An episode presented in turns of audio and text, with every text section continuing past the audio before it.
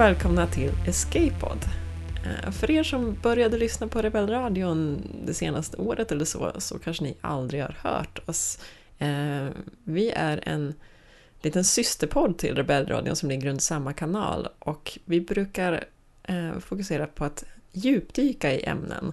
Man skulle kunna säga att vi är liksom lite den nördiga delen av Star Wars-nörderiet. För er andra som har varit med förut, välkommen tillbaka. Eh, Jag som pratar heter Hanna. Med mig idag har jag återigen som vanligt den andra Hanna. Hej! Hej Hanna! Vi sitter långt bort från varandra. Ja, nu sitter vi långt ifrån varandra. Det här ska bli väldigt spännande. Vi vi brukar ju- normalt vara i samma rum. Precis, vi har ju aldrig kört den här distansgrejen förut som Rebellradion ändå gör lite då och då.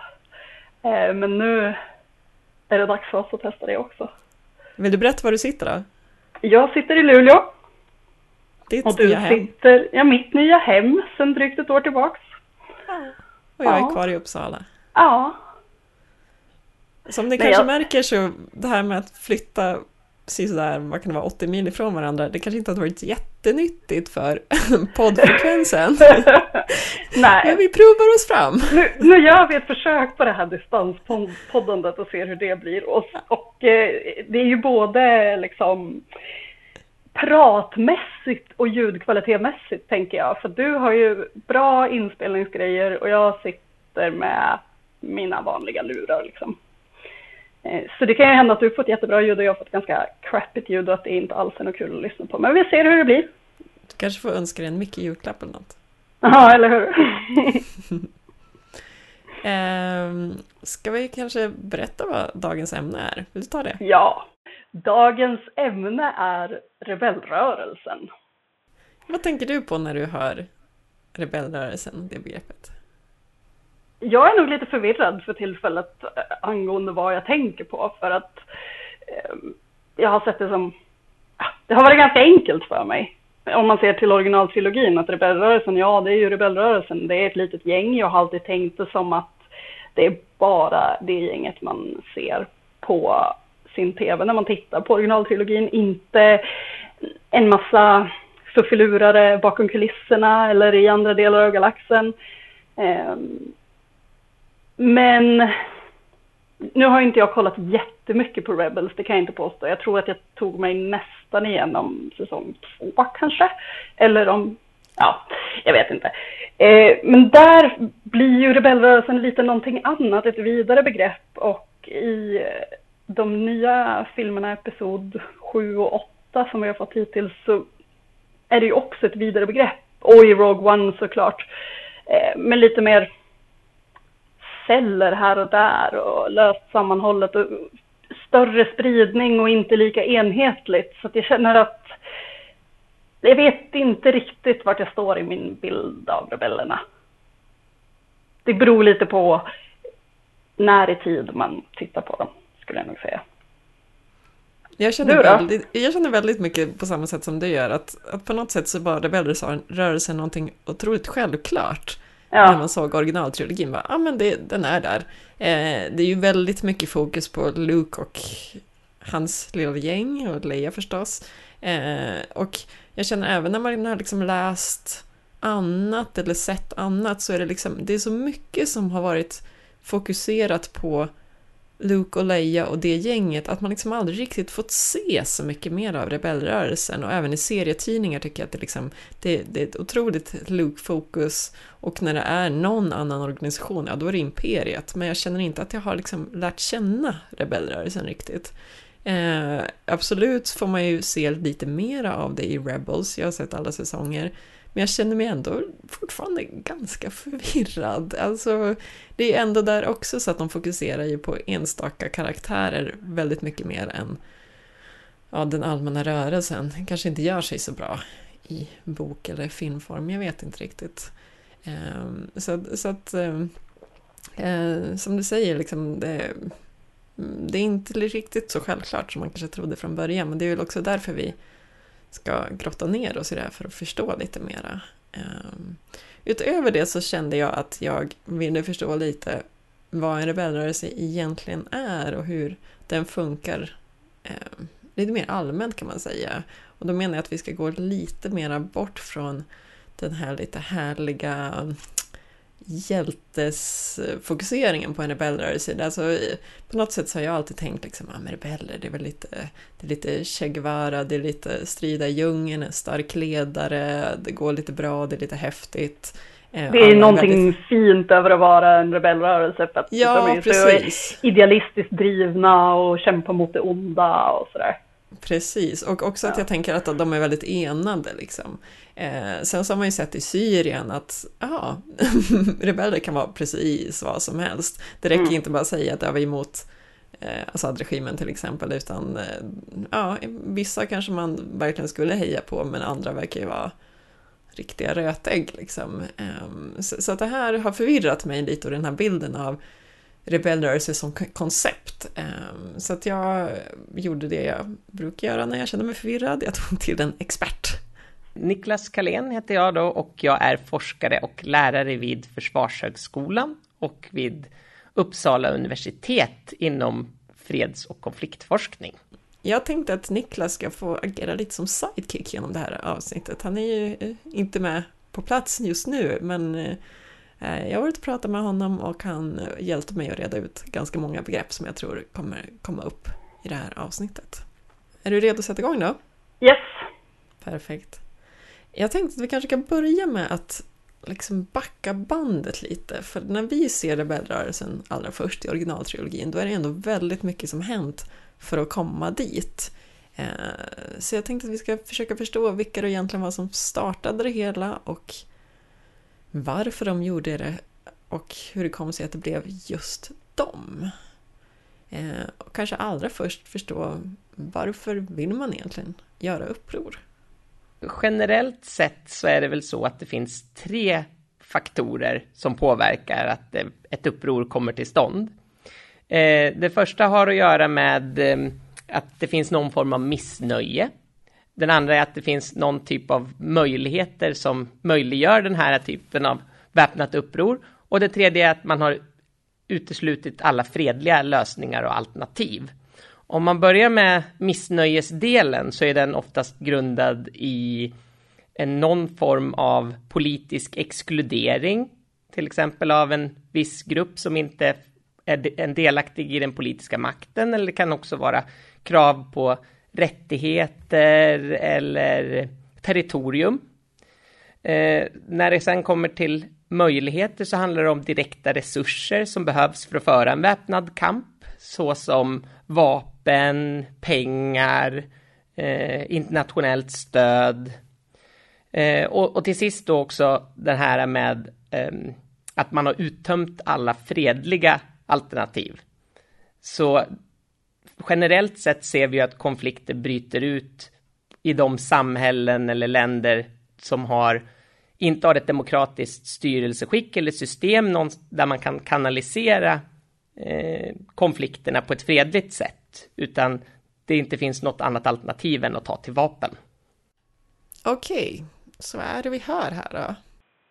Jo, alltså de här, ja, eh, de här tre kriterierna som han pratar om för att en rebellrörelse ska uppstå. Eh, kriterie ett, att rättigheter försvinner och kriterie tre, att en fredlig lösning inte är möjlig, känns ju solklart som att Star Wars prickar av, eller rebellrörelserna i Star Wars. Imperiet är ju inte särskilt intresserade av ett brett folkligt stöd, utan de kör ju på. Och innebär det att folk inte får sina rättigheter och, och behov tillgodosedda så är väl det skitsamma.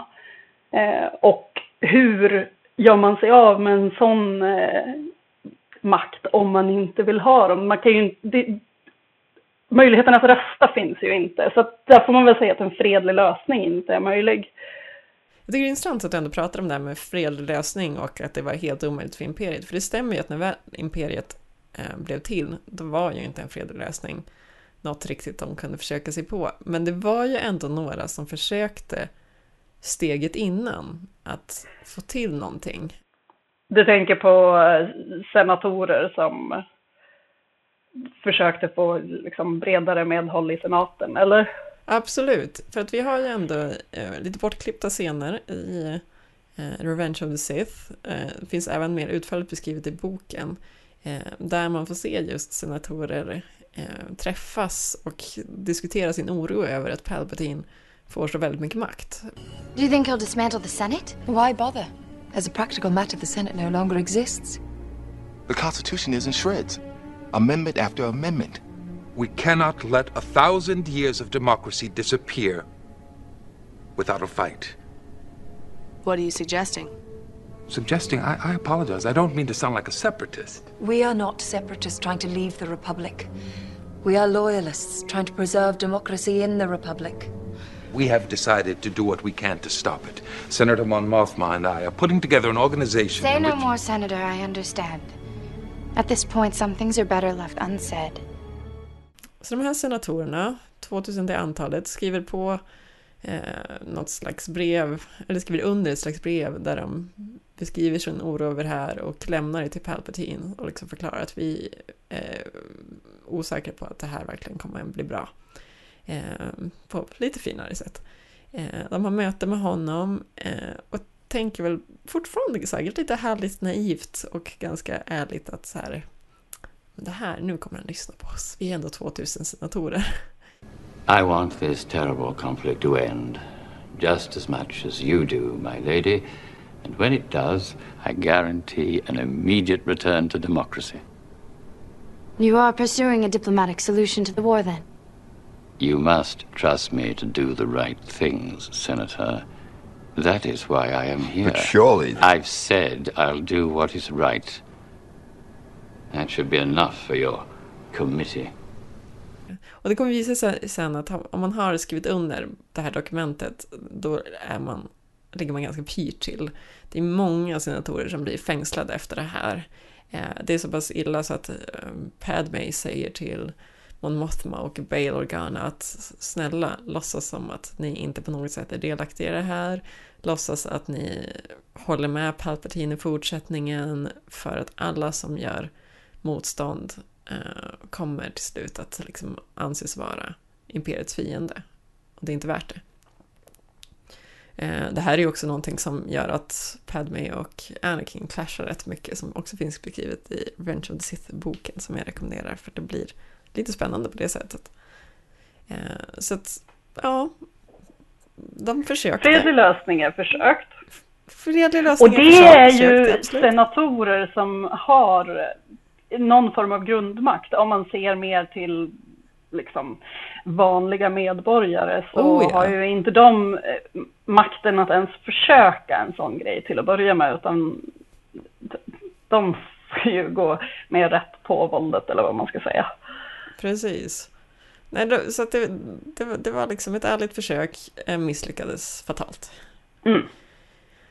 Eh, vad händer då sen när imperiet väl blir till? Ja, det börjar bli en del motstånd, väpnat motstånd även där. Allra först är det mycket separatister som fortfarande är igång och härjar. De är ju liksom, även om ledningen på något sätt försvinner så är det ju många eh, celler, eller vad man ska säga, som, som fortsätter att angripa imperiet.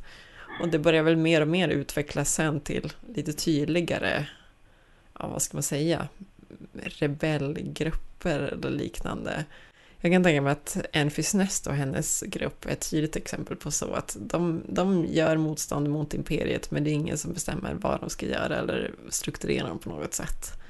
Eh, och det verkar finnas ganska mycket sånt där under rätt många års tid. Eh, faktum är att när man tittar på Rebels första säsongen då verkar de flesta i den rebellcellen inte heller förstå att det finns någonting större än det. Hello, my friend. It is good to see you again. I don't understand. I met you once, for a few moments. I don't even know your name. His name is Senator Bail Organa. And the crews of the blockade runners? Members of other rebel cells. There are other cells. We're a cell? Wait, did you know we were a cell? Um, No. We weren't supposed to meet. That way, if captured, we couldn't reveal the other rebels to the Empire. That was the protocol. Ja men där har de ju en tydlig strategi som en större rebellrörelse. Att det är en mängd celler där ledaren vet om organisationen men resten inte vet som ett sätt att eh, bevara rebellrörelsens styrka ifall någon enskild cell skulle tillfångatas. Absolut, men det behövs ju ändå efter ett tag att man börjar organisera sig mer storskaligt och det är väl det man ser då så småningom att visst, det är bra med enskilda grupper och de kan störa imperiet här och där, men till slut måste vi jobba tillsammans för att ja, rikta in oss mot det här stora hotet. Vi blir inte tillräckligt starka om vi jobbar allt för enskilt. Nej, och jag tänker att majoriteten behöver ju inte veta exakt hur organisationen ser ut, men de, om de ska hållas ovetande om att det är en större organisation så blir det ju inte större rebellaktioner än de här pajasgrejerna de pysslar med på Lotal i början. Nej, men precis.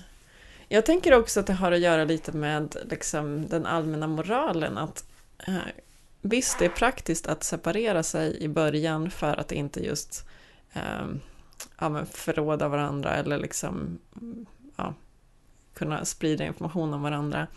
Eh, men att känna att man är en del av något större och att ha ett gemensamt tydligt hot tror jag är väldigt ny nyttigt för liksom, um, stridsmoralen. Mm. Uh, och det är ju så här det oftast blir till slut i, vad ska man säga, riktiga rebellrörelser. Att det är ju oftast en massa olika falang eller fraktioner eller någonting sånt. Men på något sätt så till slut måste man börja jobba ihop och förena allt det här. Mm. Vi kan lyssna lite på vad Niklas säger om det här det är ju oftast inte så att det är en hel befolkning som ber sig ut i krig, utan det är vissa grupper eller grupperingar. Och det som oftast händer är att de mobiliseras i, under en gemensam identitet av något slag. Så det kan vara en politisk ideologi, eh, en, eller en viss religion eller en etnisk tillhörighet.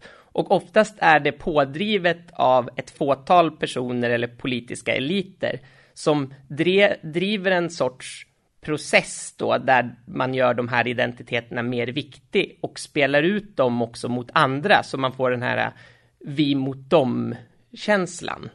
Det här som Niklas säger inledningsvis att det är ju sällan hela befolkningen eh, gör uppror utan det är en mindre grupp. Det tycker jag är väldigt intressant. Um,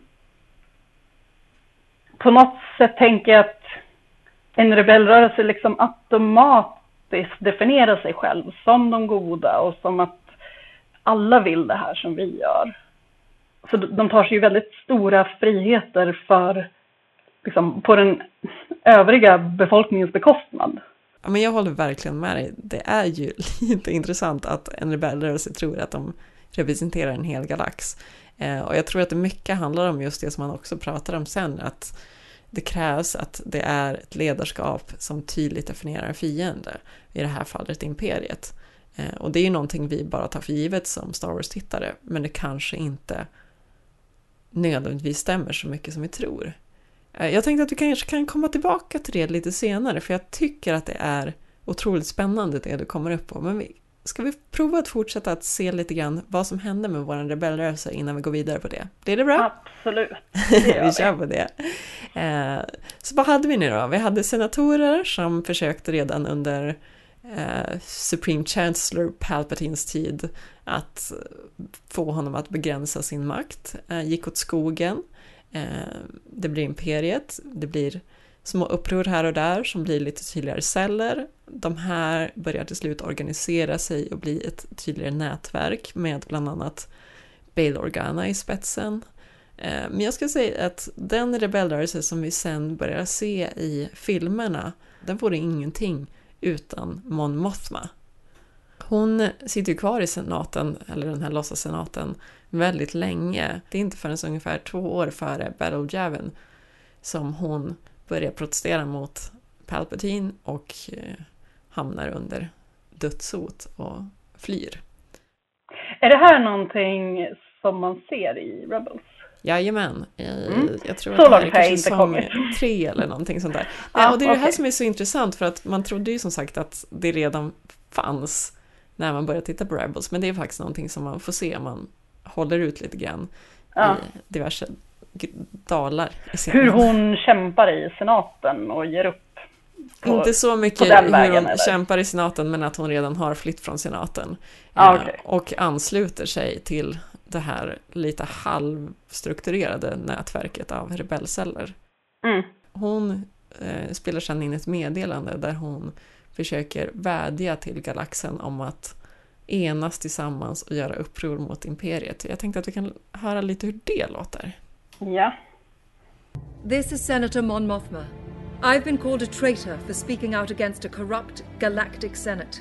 A senate manipulated by the sinister tactics of the Emperor. For too long, I've watched the heavy hand of the Empire strangle our liberties, stifling our freedoms in the name of ensuring our safety. No longer. Despite Imperial threats, despite the Emperor himself, I have no fear as I take new action. For I am not alone. Beginning today, we stand together as allies. I hereby resign from the Senate to fight for you, not from the distant halls of politics, but from the front lines. We will not rest until we bring an end to the Empire until we restore our republic. Are you with me? Och här ser man till slut massa skepp hoppa in från hyperrymden och eh, samlas och enas under Mon Mothman där. Skickade hon liksom ut det här på Holonet typ? Eller? Jag tror det är något motsvarande. Eventuellt ja. krypterat, eventuellt inte. Jag minns inte, det är inte säkert att det beskrivs så tydligt heller. För jag tänker att eh, om Imperiet ser det där så lär de väl åka direkt för att halshugga henne. Liksom. Men det, hon var ju redan på flykt. Ja. Hon hade redan eh, anslutit sig till eh, rebellrörelsen. Så att, eh, så att hon var bara... Hon var trygg i att hon kunde hålla sig gömd efter det där, typ. Ja, precis. Ja. Eller så, så trygg man kan vara i en Ja. galax full av imperialister. Ja. Eh, Men det är väl ungefär här eh, rebellrörelsen blir det som vi uppfattar rebellrörelsen. Och det här är alltså bara två år innan Battle of Yavin. Så att det är Mm. en ganska färsk rörelse. Ja. Eh, Sen när man pratar, tänker lite på storleken av det hela. Jag, som, som du nämnde lite, att på något sätt så kände man länge att det var en väldigt liten grupp med väldigt Mm. lite medel eh, och liknande. Men egentligen så, om man försöker gräva ner sig lite i det här så uppfattar det som att det egentligen är en ganska stor grupp. Men att man får se väldigt lite av det för att de, normalt sett så har, agerar de så väldigt mycket som liksom gerillagrupper och små celler som ska liksom störa imperiet. Ehm, det här att de samlas i en gemensam flotta är inte så vanligt så att när vi väl får se det ehm, så är det fortfarande bara en ganska liten del av rebellrörelsen. Har det här liksom fått dig att omvärdera din syn på vad det är man ser i originaltrilogin? Tänker du nu mer att nu, vi ser bara en liten del och resten av rebellrörelsen är någon annanstans? Eller? Ja, jag vet inte riktigt ifall det är just det här. Jag skulle säga att det är två saker som fått mig att omvärdera rebellrörelsen. Eh, Mm. Det första var rollspelet som kom ut eh, från Fantasy Flight för några år sedan eh, som heter Age of Rebellion.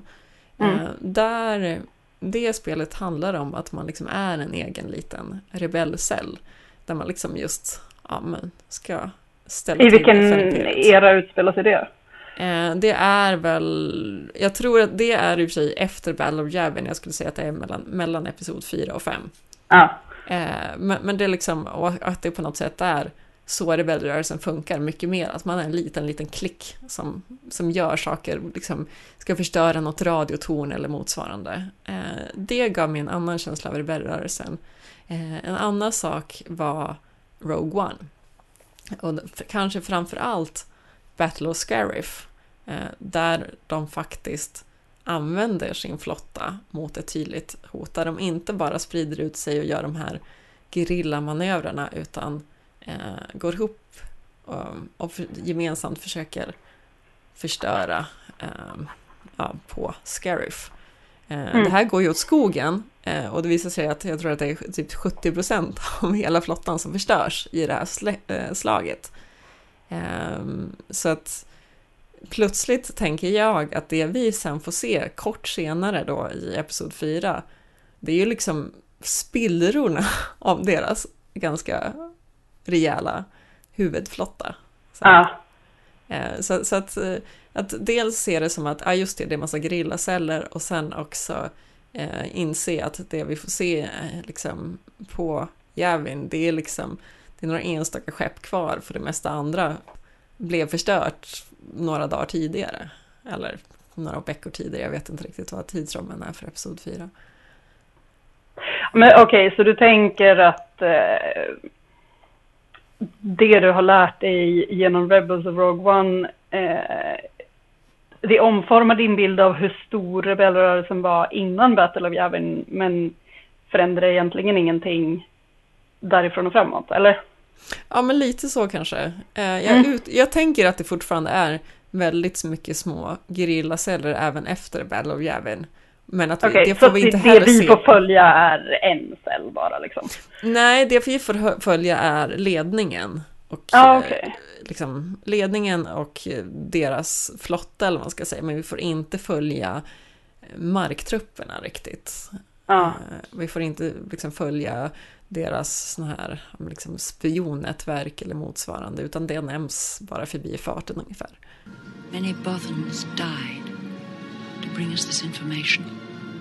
Vi får heller inte se var de får sina medel. Eh, och där verkar det också vara någonting som så här, det jobbades ganska mycket med att, ja men typ äska pengar, men alltså att om man tar till exempel Princess Leia, hon var ju förmögen i sig, hon kände också många andra som var förmögna.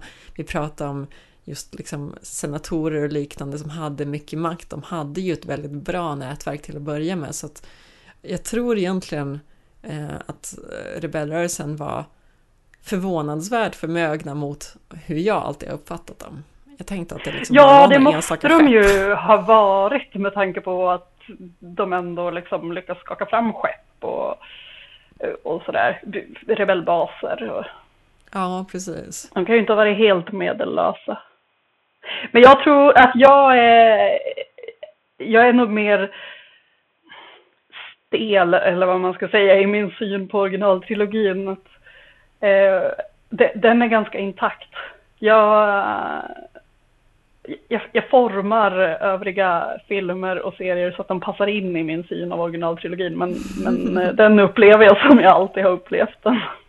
Så var det väl lite samma när vi diskuterade Imperiet, att du hade din syn på att så, Imperiet är 100% jätteonda, för det har man lärt sig. Ja. och, sen, och sen eh, kan man liksom inte, det, det var svårt att tänka sig till exempel att resten av galaxen kanske inte brydde sig så jättemycket.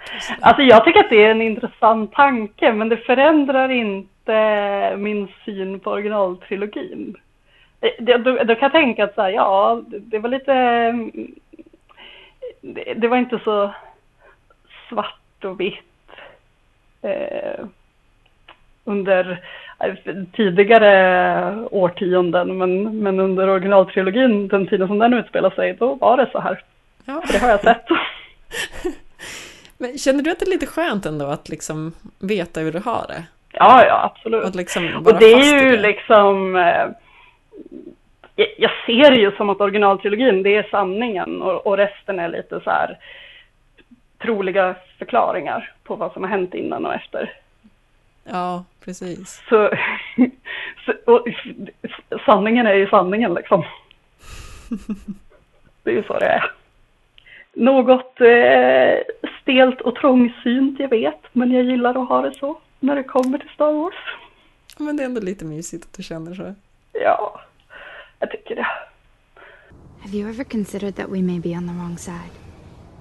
Men du, nu kanske det börjar bli dags att gå tillbaka till Eh, det du var inne på lite tidigare, nämligen det här om eh, om det är okej att liksom bara köra på och bestämma vilka som är onda och goda utan att riktigt få med eh, folket på det hela. Och kanske framför allt hur smart det är. Niklas var lite inne på det här faktiskt. Men en sak skulle jag vilja flika in här och det är ju också att när vi pratar om vilka rebellrörelser som är effektivare eh, än andra så visar forskningen ganska tydligt på att egentligen den bästa typen av motstånd är politiskt motstånd eller, eller icke-våldsmotstånd snarare än att föra en väpnad kamp. För att den typen av rörelser har en mycket bredare bas. Så du har med dig, det handlar om mycket mer personer som är med. Det blir svårare för en regim att förtrycka dem. Och eh, sen så är det ofta så att det leder till i slutändan avhopp från regeringsstyrkor eller säkerhetsstyrkor och det i sin tur tunnar ju ut eh, förtryckarregimens då, eller vad man ska säga, legitimitet, urholkar den. Ja, men det är ju intressant att han nämner här eh, vikten av ett brett folkligt stöd för, eh, för ett lyckat uppror. Eh, men jag tänker att i Star Wars-universet så är det här breda stödet framförallt viktigt eh, av moraliska skäl, att liksom, en rebellrörelse inte ska köra över den breda massan. Eh, men att det spelar mindre roll eh, i perspektivet eh, vad imperiet kan eh, stå emot och inte stå emot. För att en rebellrörelse som har ett brett stöd kan fortfarande bli förintad på sekunder av ett imperium som har en dödsstjärna som de är beredda att använda. Ja, precis. Alltså här, Niklas är ju ändå fortfarande inne på, vad ska man säga, verkligheten där han pratar om värdet av ett politiskt motstånd och det har vi ju redan sagt att det kanske inte riktigt funkade. Men, men, eh, men som du säger, det handlar mera om frågan, liksom just den moraliska frågan, är det här okej? Okay? Hejar vi ens på rätt personer? Precis. Tycker alla som jag att det här är ett dåligt system som måste ändras eller är, det, är vi en liten grupp som har bestämt det på eget bevåg och resten är rätt nöjda med hur det är? Och alltså, de har ju helt klart element i imperiet som är extremt förtryckande. För det första har de diktator, de tillåter inte val. Eh, som jag har förstått det så åker de ju också runt till en del planeter och liksom tar deras resurser. Eh, om man tittar på vår värld så finns det ganska mycket av länder i väst eller företag i väst som har gjort samma sak som ändå inte klassas som fiender eller terrorister eller liknande utan man rycker lite på axlarna och köper deras produkter ungefär. Eh, och mm. jag tänker att imperiet är lite på samma sätt, att så här, de som blir berörda, ja de lider förstås. Men alla, alla de andra, eller alla vi andra, kanske ja, men precis, det är ju, det här. Den breda massan kanske till och med tjänar på systemet. Man måste ju också se det som så att eh, när man störtar en, en liksom, ett ledarskap som också dessutom är galaxtäckande så måste det ju bli liksom väldigt mycket turbulens efter det. Eh, nu vet vi kanske att det blev ganska bra i Star Wars-världen, men egentligen får vi aldrig riktigt höra om liksom, rebellrörelsens tydliga plan om hur de ska fortsätta eh, ledarskapet efteråt. Om de nu har störtat imperiet, då måste de ju ha en jättetydlig plan för att se till att det inte blir en massa krigsherrar som styr, framförallt i Outer Rim där det alltid är lite knasigt. Eh, de måste liksom garantera för befolkningen att det här är en bättre lösning. Det är en stabilare lösning över många år. Eh, det kommer bli mer rättvist mellan olika folk och så vidare.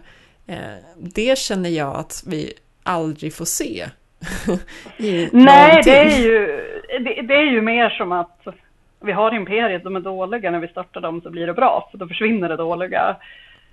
Ja. Inte det blir bra genom vår vision, utan ja, det kommer lösa sig automatiskt för då blir alla fria.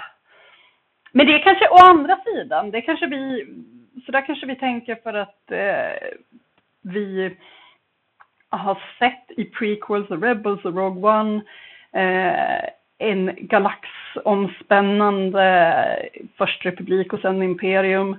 Eh, och så tänker vi, men hur ska den här lilla rebellrörelsen kunna hålla ihop en hel galax? Men det kanske inte var deras syfte heller, utan de tänker att varje planet klarar sig själv. Vi tar bara bort den här eh, makten som överskuggar alla planeter. Ja, kanske, fast då, då måste man ju liksom sätta sätta en struktur för det också. För jag menar, om alla planeter ska bli autonoma, då måste man ju också garantera att planeter inte börjar ta över andra planeter. Men det kan jag nog ändå tänka, om, om jag liksom funderar lite på hur jag uppfattar rebellrörelsen i originaltrilogin, så kan jag tänka att, att där är det mer som att försvinner imperiet så blir det frid och fröjd på respektive planet och varför skulle de härja runt och, och, och försöka förstöra för varann? Alla vill ha det bra där de är. Um, men, men när man sätter det i det större perspektivet så med, med allt det politiska spelet i prequel-trilogin, då är det ju svårare att, att liksom se den möjligheten. Jag tänker att där, där får man ju ändå se att de har valt att organisera sig och liksom ha någon slags ja, någon slags union på något sätt. De blir ju ja, lite som EU, de inser väl att det är ja. praktiskt att inte kriga mot varandra, det är praktiskt att ha någon slags gemensamt mål, det är praktiskt att eh, ha en god handel mellan planeterna och så vidare. Så det verkar ju ja, som att galaxen tänker. behöver det. Ja, men jag tänker, du, du nämner EU och jag tänker att det kan... Det, det är liksom en jämförelse som jag köper och att då rebellrörelsen skulle vara en rörelse som eh, verkar för EUs upplösande och när EU har upplösts då kommer ju alla medlemsländerna fortfarande finnas och ha sina regeringar och sådär. Eh, Jo, men det fanns ju ett anledning till att så kallade EU en gång skapades, så jag tänker att det kanske finns ett behov i galaxen att ha eh, en gemensam republik för att inte börja krig mot varandra eller för att starkare planeter inte ska utnyttja svagare planeter. Eh, och eh, att då på något sätt bara ta bort det enda gemensamma faktorn, alltså imperiet och det tydliga styret, och bara tro att allting ska lösa sig, det känns extremt naivt. Eh, nu ser vi ju att så här, ja, de skapar en ny republik och vi får kanske inte följa exakt hur det gick till, men det verkade ju lösa sig. Eh, men jag känner bara att vi inte har fått tydliga bevis på att det här verkligen var någonting som de hade en tydlig plan för. Det räcker inte med att bara säga så ja men vi satt med i senaten för 30 år sedan liksom. Vi, vi kan nog förstå hur det här kommer gå till liksom, för att det är mer komplicerat än så. Det finns ju oavsett vad tydliga Ehm, bevis på att imperiet var onda. Det värsta kanske är just dödsstjärnan, de spränger Aldron. Eh, fast jag, där är det också så här, jag läste en ganska rolig artikel eh, som pratar om att det finns något slags eh, moraliskt försvarbart i att faktiskt spränga Aldron för att imperiet hade ingen anledning till att tro att rebellrörelsen skulle finnas någon annanstans. För eh, Princess Leia och eh, Bail Organa var så pass eh, centrala i rebellrörelsen så det skulle vara helt rimligt att gömma den på Aldron. Och visst, mm. det är massa civila som dör på bekostnad av att de tänker att de förstör rebellrörelsen, men eh, ja, vi har ju haft egna krig där man på något sätt har accepterat att man gör en rejäl grej där många civila dör, men där man också slår ut väldigt mycket eh, militärt och det i sin tur får slut på kriget. Jo, precis. Det är ju lite um, underförstått i väpnade konflikter att civila kommer dö. Det är ju som att alla sidor går med på de premisserna. Och det är ju inte nödvändigtvis den som dödar flest oskyldiga som är den som är sämst. Eller? Okej, okay, det kanske det är. Men jag menar, när man ja. sen skriver historien så kan man komma undan med ganska mycket civila offer om jo, man har men då är det ju då är det den som vinner som skriver historien och är den goda. Det behöver ju inte nödvändigtvis vara att den som vinner är den som inte dödade så många civila. Nej, nej, men det jag menar var mest att liksom, om de skulle kunna motivera för kommande generationer att det fanns en poäng med att spränga Aldron för att det förhindrade liksom, krig i århundraden framöver så kanske de skulle kunna försvara rent moraliskt.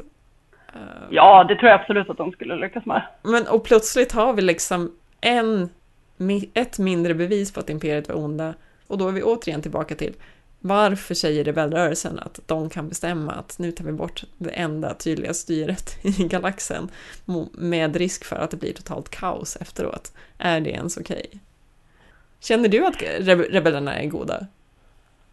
Eh, ja, men det måste de ju vara. Eh, eller... Det beror lite på i vilken, på vilken nivå man ska analysera det också.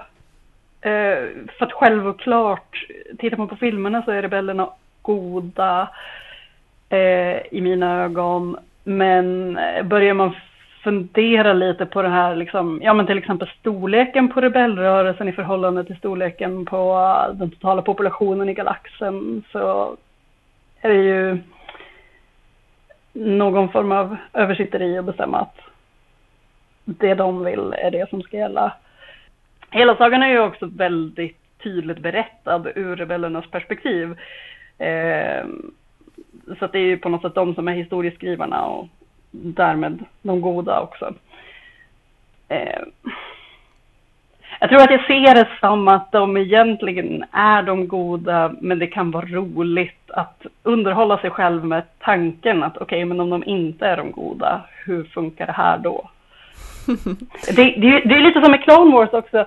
Eh, med, vi har republiken och separatisterna mot varandra. I det fallet är det ju republiken som är de goda och det är ju separatisterna som är rebellerna. Så där är ju uppenbarligen rebellerna onda. Tills man i något avsnitt får lite mer inblick i hur separatisterna tänker bortom Count Dooku. Och plötsligt ställs inför, jaha, men separatisterna kanske inte är så hemska ändå. Ja, men det är ju lite så. Jag, jag håller med om att det är väl mer ett tankeexperiment än så mycket annat. Men jag tycker att det är ett eh, ganska härligt tankeexperiment. Men jag skulle ändå vilja säga att det finns grejer som vi ser i filmer och serier och liknande där de tydligt gör ondskefulla saker. Förutom, och, och nu pratar jag inte bara om att de anser att de kan representera en hel galax. Eh, men det finns ju liksom element som känns tveksamma. Jag tycker Rogue One är härlig på det sättet för de bjuder på ganska mycket sådana där element. Eh, vi har liksom eh, Cassian Andor som utan problem dödar sin informatör för att han är opraktisk. liksom, mm. han, han, riskerar att prata för mycket till Imperiet. Och vi har hela idén om att de ska mörda Galen Erso för att han är farlig för dem. Utan att tänka på att det är trots allt bara en vanlig vetenskapsman.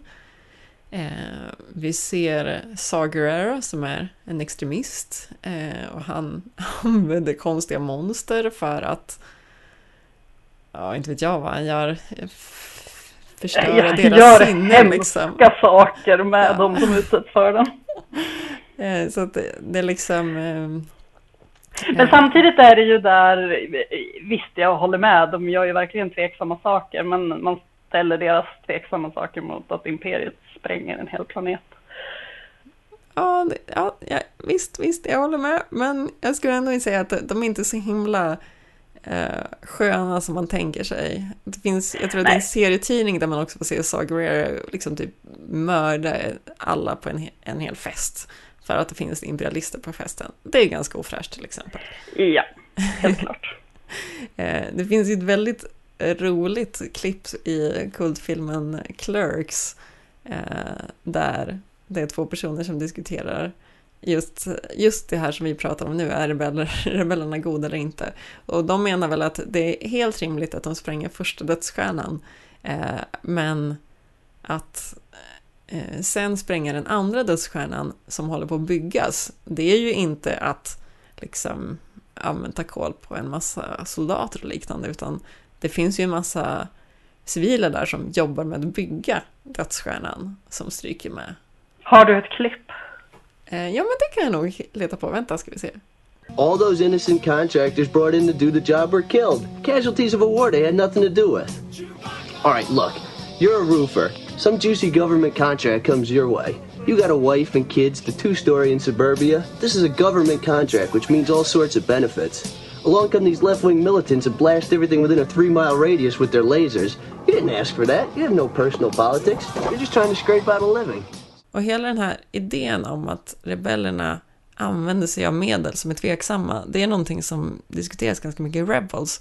Där konfronterar de framförallt Saw Gerrera eh, och menar att han börjar bli för lik imperialisterna och hur de beter sig. Det handlar liksom inte bara om att få rätt i slutändan utan man måste göra det på ett snyggt sätt. Hur realistiskt det är, det vet jag inte riktigt, men, men jag kan liksom ändå förstå att ehm, de har valt att göra rebellrörelsen så himla så här välpolerad i de flesta liksom, serier och filmer och grejer för att, för att de ska vara så här hederliga och goda. För så Mm. fort man börjar se dem göra det här smutsiga så känns det lite trixigt, tänker jag.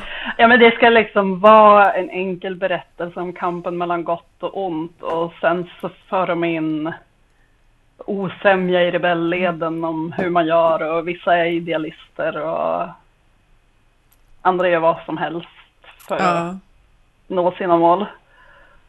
Det där är ju någonting som också syntes ganska mycket i Rogue One, att rebellrörelsen inte var så himla ense. Ja, verkligen. Ska vi höra, lyssna på det förresten? We must scatter the fleet. We have no recourse but to surrender. Are we really talking about disbanding something that we've worked so hard to create? We can't just give in. We joined an alliance, not a suicide pact. We've only now managed to gather our forces. Gather our forces. General Draven's already blown up an Imperial base. A decision needed to be made. If it's war you want, you'll fight alone. If that's how it's going, why have an alliance at all? If she's telling the truth, we need to act now. Councillors, please. Alltså det här klippet som du spelar nu tycker jag är ganska intressant för jag minns att när jag såg Rogue One första gången så var det en sak som jag reagerade på. Eh, att liksom tidigare så har vi sett en väldigt enad rebellrörelse och någon säger nu ska vi göra det här och alla andra hurrar. Eh, men här får vi ju se en stor konflikt inom rebellrörelsen och någon vill göra liksom det som vi som tittare ser att ja, det är klart att ni ska göra det här och de andra säger men glöm det.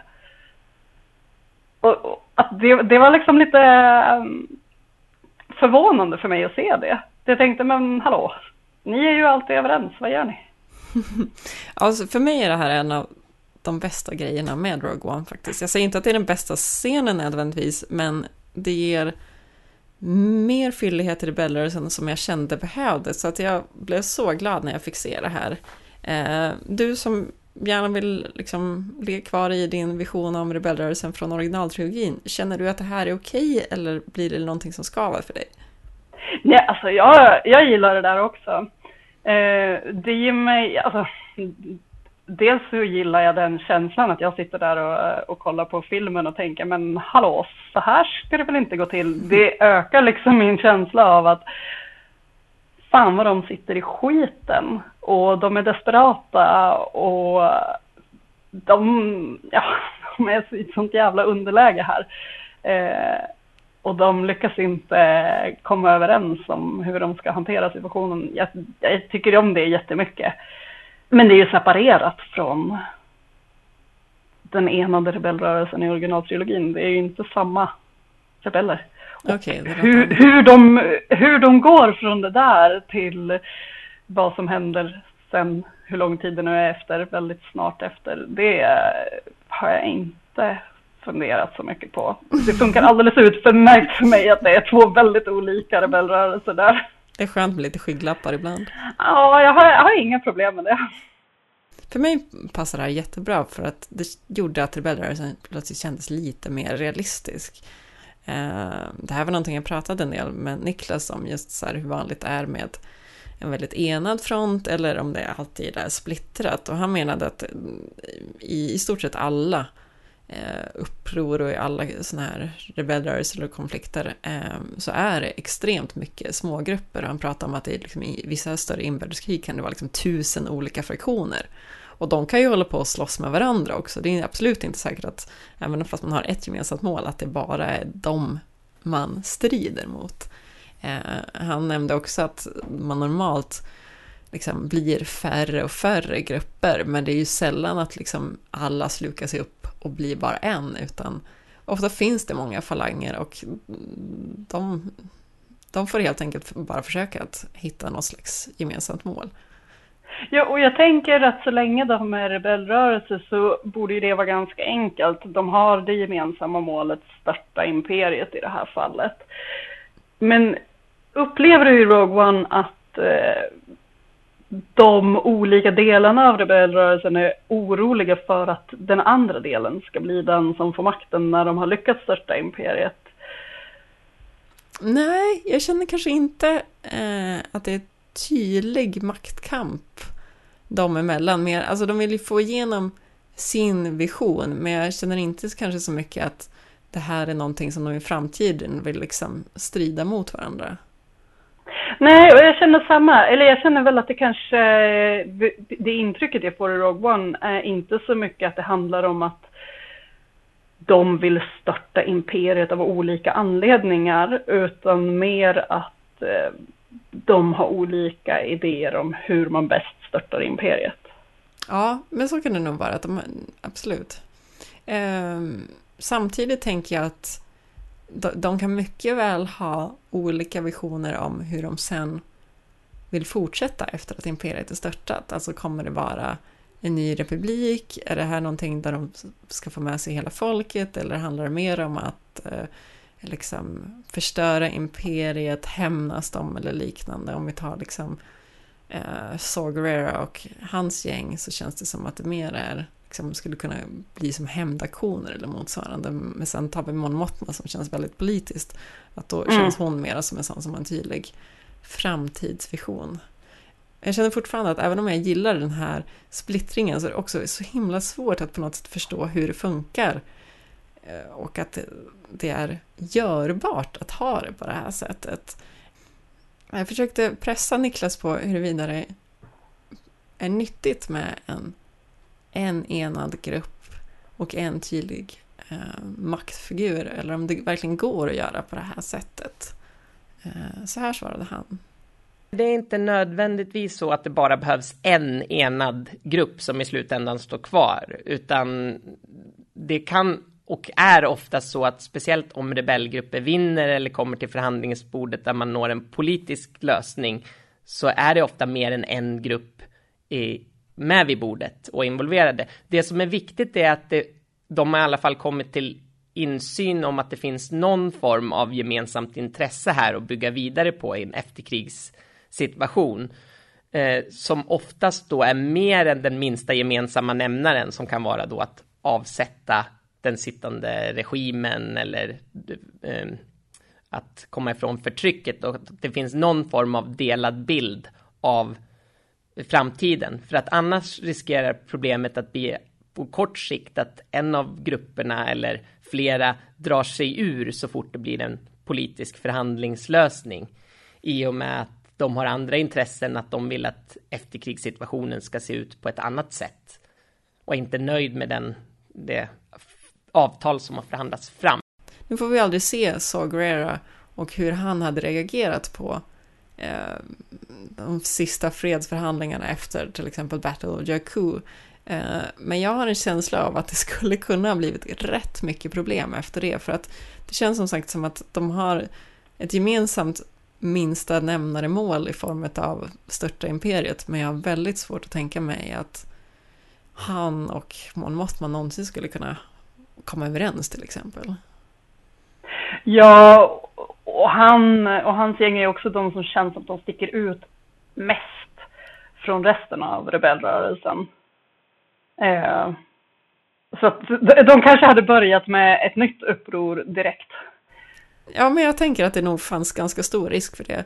Eh, ja. Sen tänker jag också att man nog har en olika syn på huruvida man ska gå tillbaka till en republik beroende på ifall man själv kommer från republiken eller inte. Om man har suttit med som mm. senat dator och liksom alltid trott på republiken som koncept, ja det är klart att man vill skapa en ny New Republic, men jag är lite nyfiken på ifall det var många som gick med mera som ett hat mot imperiet än just det här att gå tillbaka till det gamla, för det gamla var ju trots allt rätt skruttigt och korrupt. Ja, men och där tänker jag också att det finns en ganska tydlig hierarki i rebellrörelsen i eh, Rogue One i alla fall. Alltså när man väldigt tydligt får se eh, senatorernas del i rebellrörelsen till exempel. Alltså visst, Mon Mothma är ju med i originaltrilogin i rebellrörelsen också, men, men då är hon ju inte en tydlig liksom senatorsfigur på det sättet. Nej. Eh, men jag tänker att när vi har republiken och senaten i färskt minne så, så blir senatorerna eliten i rebellrörelsen. Mm.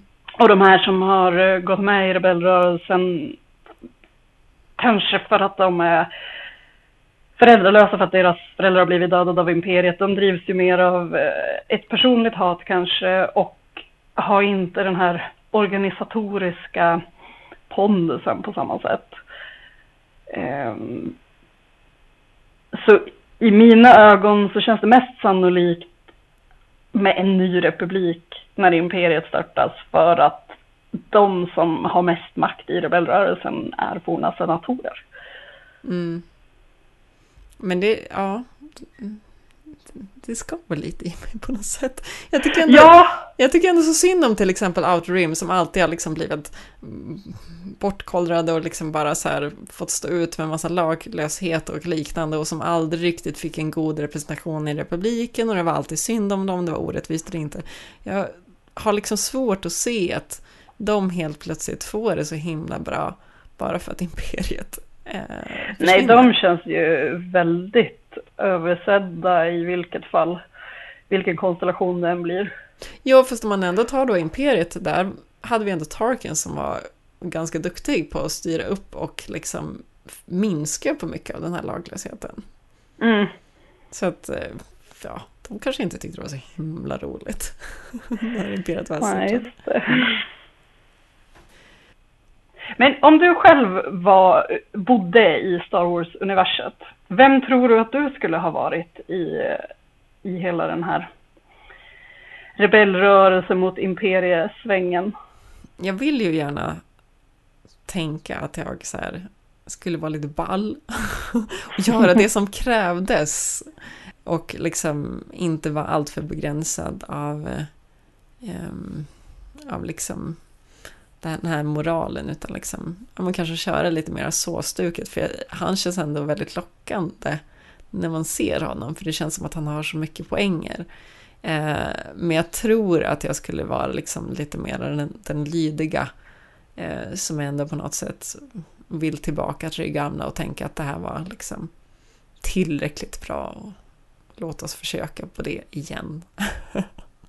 även, även om jag känner lite sorg inför det här Eh, så, så fick jag ändå en liten tröst av Niklas när han berättade just om hur det generellt sett funkar med terrorism eh, inom den här typen av uppror. Väldigt många rebellrörelser använder sig av terrorism som taktik. Just också för att man oftast är i underläge. Och forskningen generellt visar att terrorism inte leder till någon långsiktig vinst eller är någon bra lösning. Men ändå så ser vi att många rebellgrupper använder sig av den taktiken. Och det som är problematiskt framför allt är ju att det drabbar civila. Och det här är ju oftast de civila som man vill ha med sig sen i den efterkrigssituationen. Och när man då har gjort dem orätt genom att eh, nära och kära har gått bort i terroristattentat så eh, leder ju det inte till att ha en bra, långsiktig, stabil lösning i efterkrigstiden. Okej då, så att även om jag tänker att så gör rätt som liksom på något sätt struntar lite i det moraliska för att komma vidare så känns det ändå lite skönt att Niklas säger att så här, det är lugnt. Det är det... inte rätt väg. Nej, precis. Det är inte särskilt smart. Det kommer inte eh, skapa stabilitet i världen genom att göra så här. Och det är framförallt inte så effektivt. Nej, precis. Nej, man vill ju hitta det som är det mest effektiva och göra det. Vem tror du att du skulle vara i det här då? Eh, ja, jag skulle ju vilja hitta det som är det mest effektiva och göra det. Eh, men eh, jag vet inte. Jag är inte så intresserad av eh, slagsmål och skjuta, skjuta och sådär i mitt liv. Så jag har ju väldigt svårt att tänka mig att jag skulle vara den personen. Eh, samtidigt skulle jag ju verkligen vilja göra någonting. Man vill ju inte vara en fegis som bara sitter hemma och muttrar. Men du, det som jag tycker att man får se otroligt lite av eh, när rebellrörelsen porträtteras, men som vore rätt ballt, det är ju propagandan. Ja. Alltså att, att liksom sprida information om hur imperiet faktiskt funkar, försöka liksom bryta sig in på Holonet, eh, liksom göra sådana här, du vet, så här, trycka flygblad och sprida ut över en stad där ja, man liksom sprider sanningen och lite sådana ja. där saker. Eh, den skulle jag vilja vara. Det vore rätt ballt, eller hur? Ja, den tar jag. Vi, vi kanske båda två ska vara den. ja, det gör vi. Vi teamar upp. All remaining systems will bow to the First Order and will remember this as the last day of the Republic! Jo, men du Hanna. Eh, jag skulle vilja avsluta med en fundering som jag har gått runt med. Eh, tror framförallt efter att episod 7 och 8 har kommit. Eh, och det är att eh, jag dras liksom med en känsla av att det här med rebellrörelse mot en ond galaxövergripande makt är någon sorts evighetsrörelse. Vad tänker du om det? Måste det alltid vara så?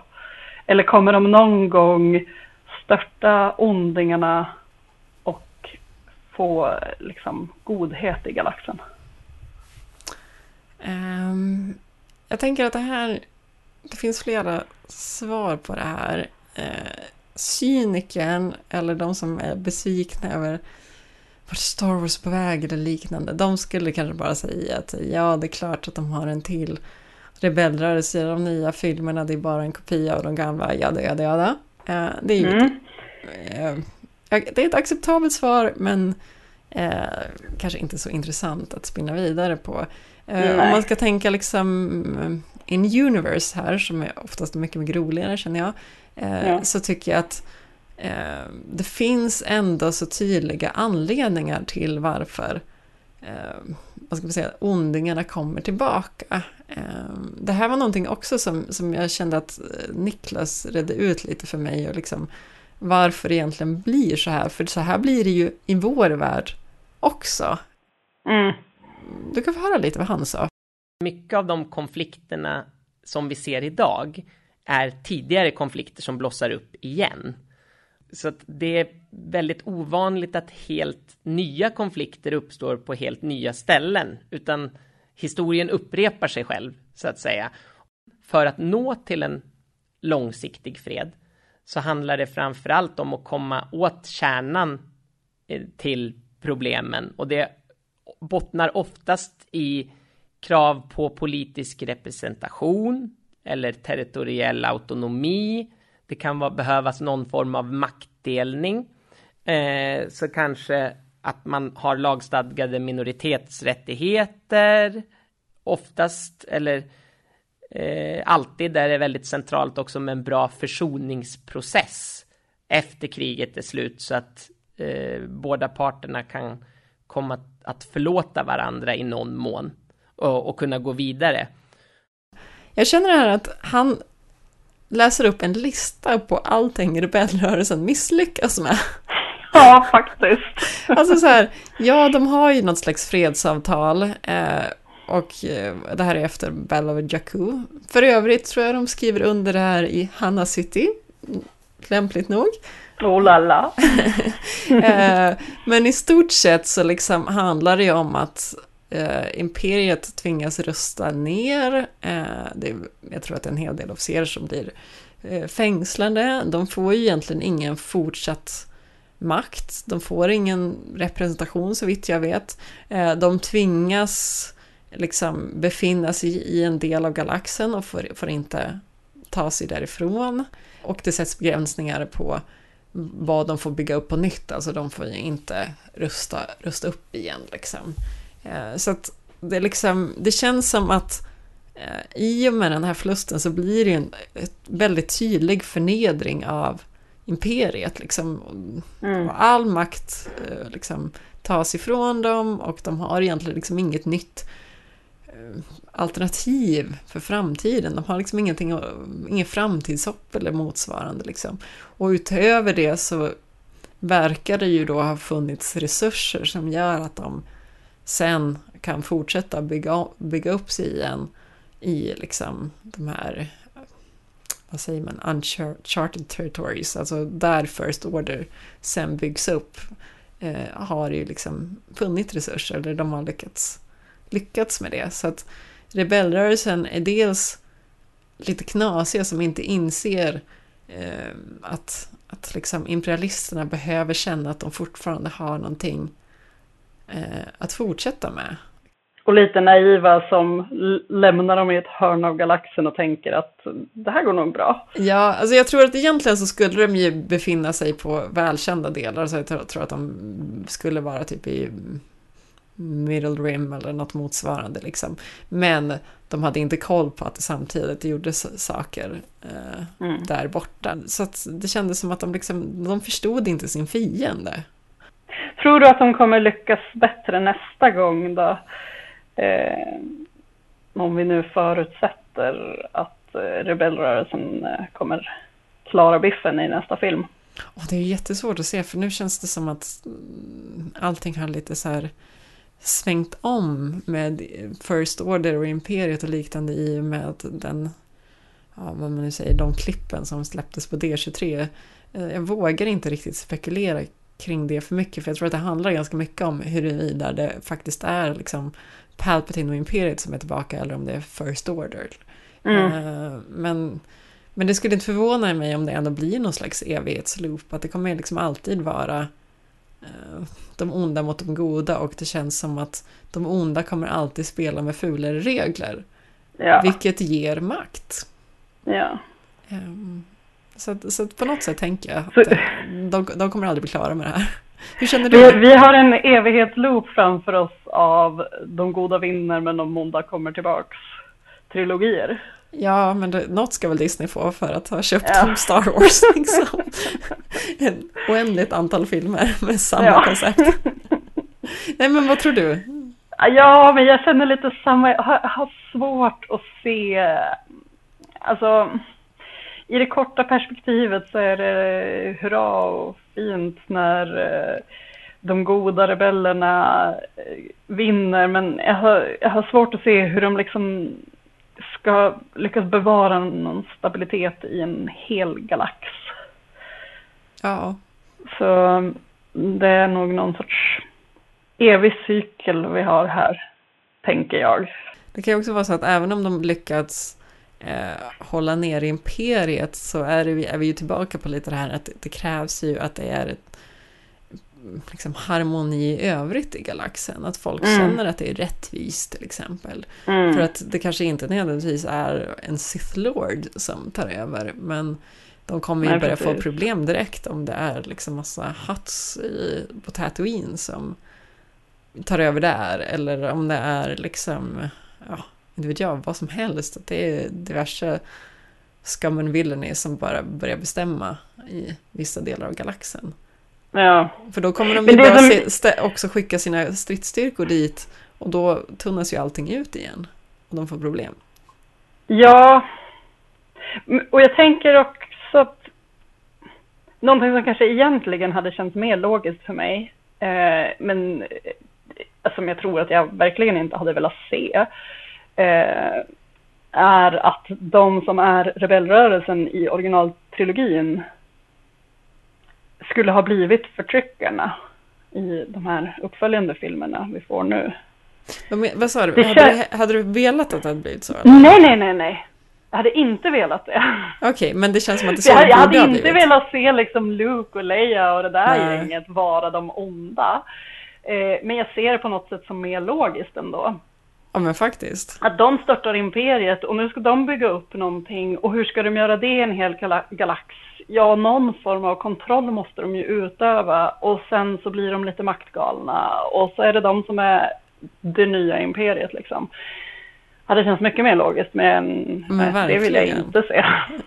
Nej, det kanske inte gör så bra. Men jag, var, jag kommer ihåg att jag var lite orolig när det annonserades att det skulle komma en till trilogi. Att nej, men gör inte nu att liksom Luke är den nya Vader. Det vill inte jag. Oj. Ja, det hade varit intressant. Jag visste inte att du var orolig på det sättet. Men, eh, men det hade varit intressant, känner jag. Alltså, Jo, det hade absolut varit Eller- intressant. Men jag hade nog ändå inte velat se det. nej. Nej, jag håller med. De ska vara goda liksom. Men det ska bli väldigt intressant att se hur de knyter ihop allting i december. För att Ja. det känns som att de plötsligt börjar kasta in så här massa element som vi trodde att vi hade klarat av på något sätt. Eller hur?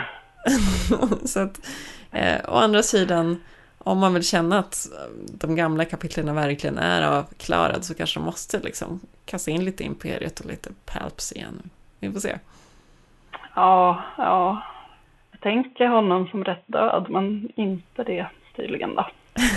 Vi får se. Men du, tack för att jag Mm. fick prata med dig. Tack själv. Om ett av våra favoritämnen någonsin, Star Wars. Ja, det var inte en dag för tidigt. Och tack alla ni som är här och lyssnar också förstås. Eh, ha det bra allihopa. Hej då! Hej då!